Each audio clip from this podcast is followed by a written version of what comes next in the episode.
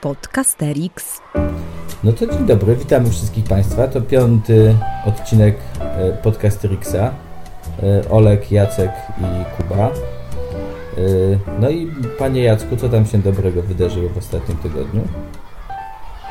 No więc moja dzisiejsza wspominka ma taki charakter, powiedziałbym plastyczny, ponieważ od jakiegoś czasu bardzo lubię poprosić swoich uczniów o to, by e, narysowali mm, szybko jakąś taką notatkę mm, obrazkową. Polega to na tym, że po prostu proszę ich o to, żeby się e, narysowali na kartce coś, co utkwiło im w pamięci y, w trakcie kończącej się właśnie lekcji. Czasami jest to po prostu jakaś oczywiście bitwa, czasami jakieś spotkanie, czasami jakieś mury albo miasto. No i właśnie mm, to y, oni robią. Y, ja sobie wybieram, czasami są to jakieś postacie. Ja sobie wybieram te takie najbardziej charakterystyczne, bo to jeszcze nie koniec, bo bardzo lubię je sobie archiwizować i od czasu do czasu zanosić je do klas starszych, już nawet czasami licealnych, po to, żeby kiedy przyjdzie odpowiedni temat, albo kiedy jest na to e, chwila, to żebyśmy sobie trochę pozgadywali, o co e, młodzi e, ich koledzy, koleżanki, co mieli na myśli. I to jest bardzo fajna zabawa, dlatego że ona pokazuje, w jaki sposób można również analizować tego typu materiały. Przyglądają się odpowiednio tym tym materiałem, no i e, właśnie e, w ten sposób staram się do nich dotrzeć również przez tego rodzaju. No właśnie, a notatki graficzne to też y, łączą, łączą się z tym, o czym dzisiaj chcielibyśmy rozmawiać. No bo właśnie dzisiaj chcieliśmy rozmawiać o tym, co zrobić z Matejką. A ja od razu pomyślałem, wiecie, jak, jak powiedziałeś, że, że niesiesz to do innej klasy i oni mają odgadywać, co tam jest, że to jest wystawione chyba na rozmaite zadziwiające interpretacje, trochę tak jak i Matejko ponoć był wystawiony, bo zaraz mi się przypomniało, że jak, e, e, że jak Rejtan pojechał do Paryża na wystawę, to Francuzi, e, jakoś nie bardzo zorientowani w historii Polski, sądzili, że to jest obraz o polskim pijaństwie. I że ten gość, który tam leży pod drzwiami, to jest po prostu człowiek dotknięty chorobą alkoholową. I zastanawiam się, czy te interpretacje, które e, dają twoi uczniowie ze starszych klas są e, równie dalekie od intencji tak, malarza. Tak, że czasami to jest komiczne, czasami uczniowie sobie mniej lub bardziej żartują z tego, co tam jest namalowane. Ja sobie od razu przypominam zjazd gnieźnieński, w którym oprócz oczywiście dwóch władców, których było z daleka widać, bo jeden i drugi miał korony, nie do końca jeden e, słusznie, no to gdzieś tam pojawiło się jakieś ramię, e, gdzieś e, ramię, czyli taka, jak rozumiem, odrąbana ręka, gdzieś pojawił się jakiś wielbłąd, coś, co miało być włócznią, nie do końca chyba wyglądające jak ucznia świętego Maurycego, więc jasne, że to się dzieje. To tak naprawdę ma służyć temu, żebyśmy się wszyscy przyzwyczaili po pierwsze do tego, że historia może mieć różne interpretacje, a po drugie, żeby właśnie szukać takich charakterystycznych rzeczy. Nie, no właśnie, no ale słuchajcie, no, nie da się ukryć. Kochamy Matejkę albo go nie kochamy, ale w każdym podręczniku, e, jak jest bitwa pod Grunwaldem, to pojawia się w wersji Matejki, przynajmniej we fragmencie. E, w każdym podręczniku, no, w prawie każdym podręczniku, jak e, ma być ukazany Bolesław Chrobry, to jest on ukazany oczami Matejki. No i co zrobić z tym Matejką? No bo to co tu dużo gadać, Matejko był malarzem może i historycznym, ale jak każdy historyk popełniał bardzo liczne błędy. Podcasterix. Kiedy żeście ostatni raz jakiś obraz Matejki pokazywali na lekcji? Przypomnijcie sobie? Tak, i oczywiście. No, y, bitwa pod Grunwaldem chociażby dla mnie y, bardzo ważna osobiście, ale to zostawmy na razie.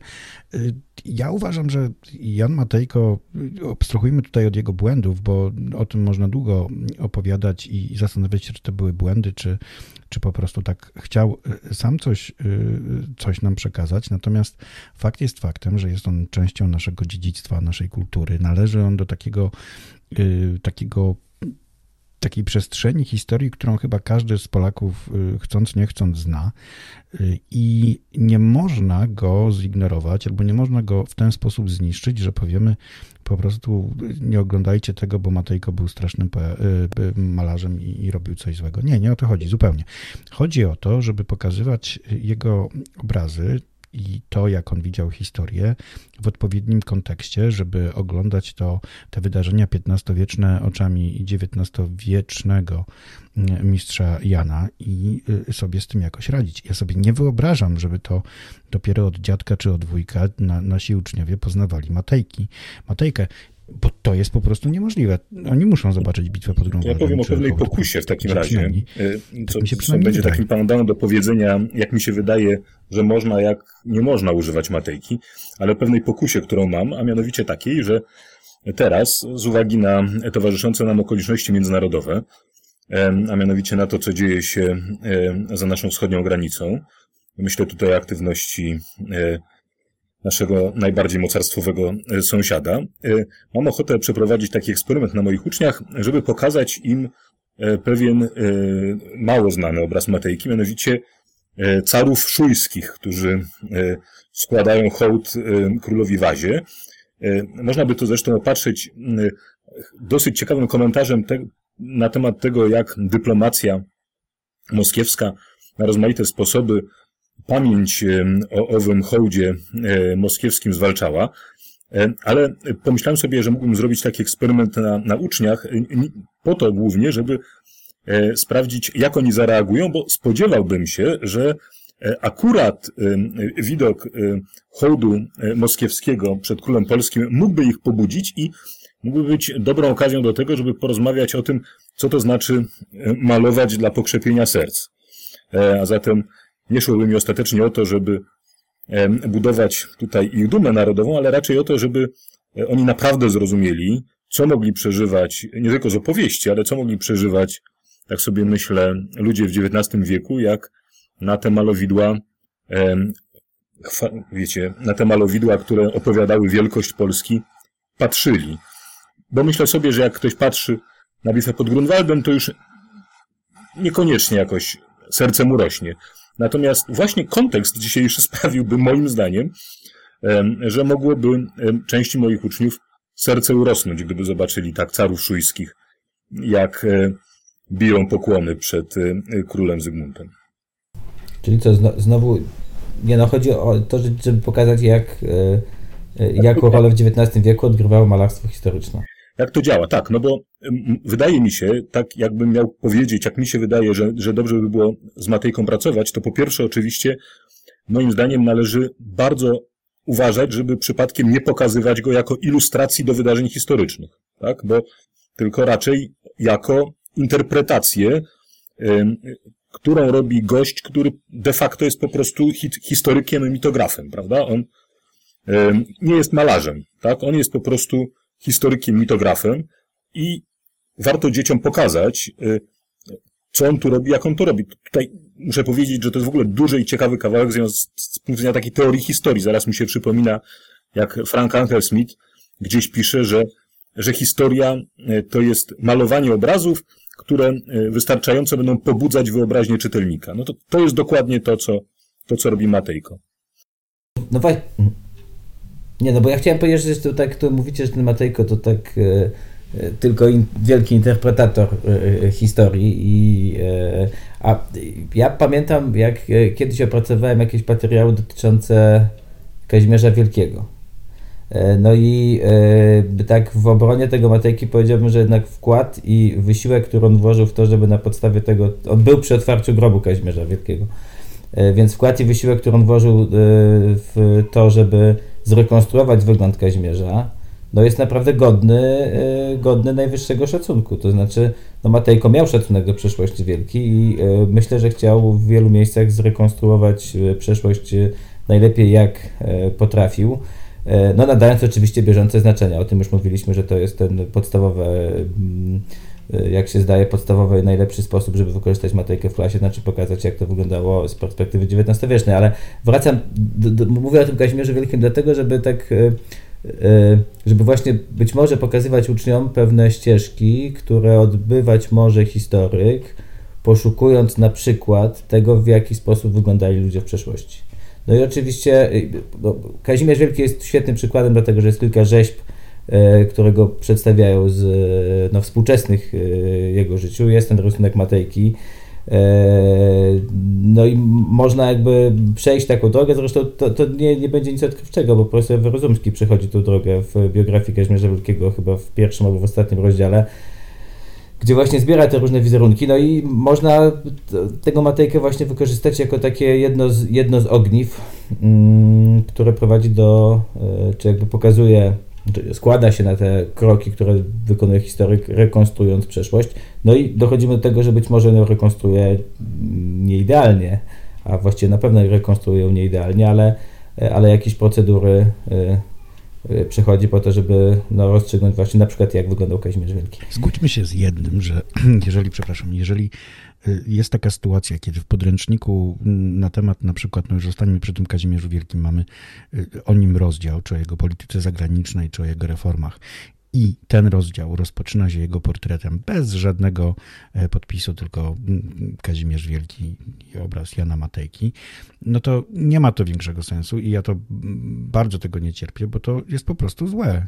No właśnie, ja bym jeszcze tego Kazimierza Wielkiego nawet jakoś e, być może bronił właśnie w kontekście tego doświadczenia rekonstrukcyjnego Matejki, ale na przykład chrzest polski, nie, ale ten chrzest polski, czy tam chrzest Mieszka, tak to się chyba nazywa w oryginale, który no, jakoś ostatnio robi zawrotną karierę w podręcznikach i pojawia się przy Mieszku pierwszym, już nie mówiąc o tym, że to jest, nie jest wybitne dzieło Mieszka, raczej Matejki, e, zresztą zdaje się, że niedokończone, ale ono jakoś robi niesłychaną karierę w tych podręcznikach, no i to jest jakiś pomyłka. No właśnie.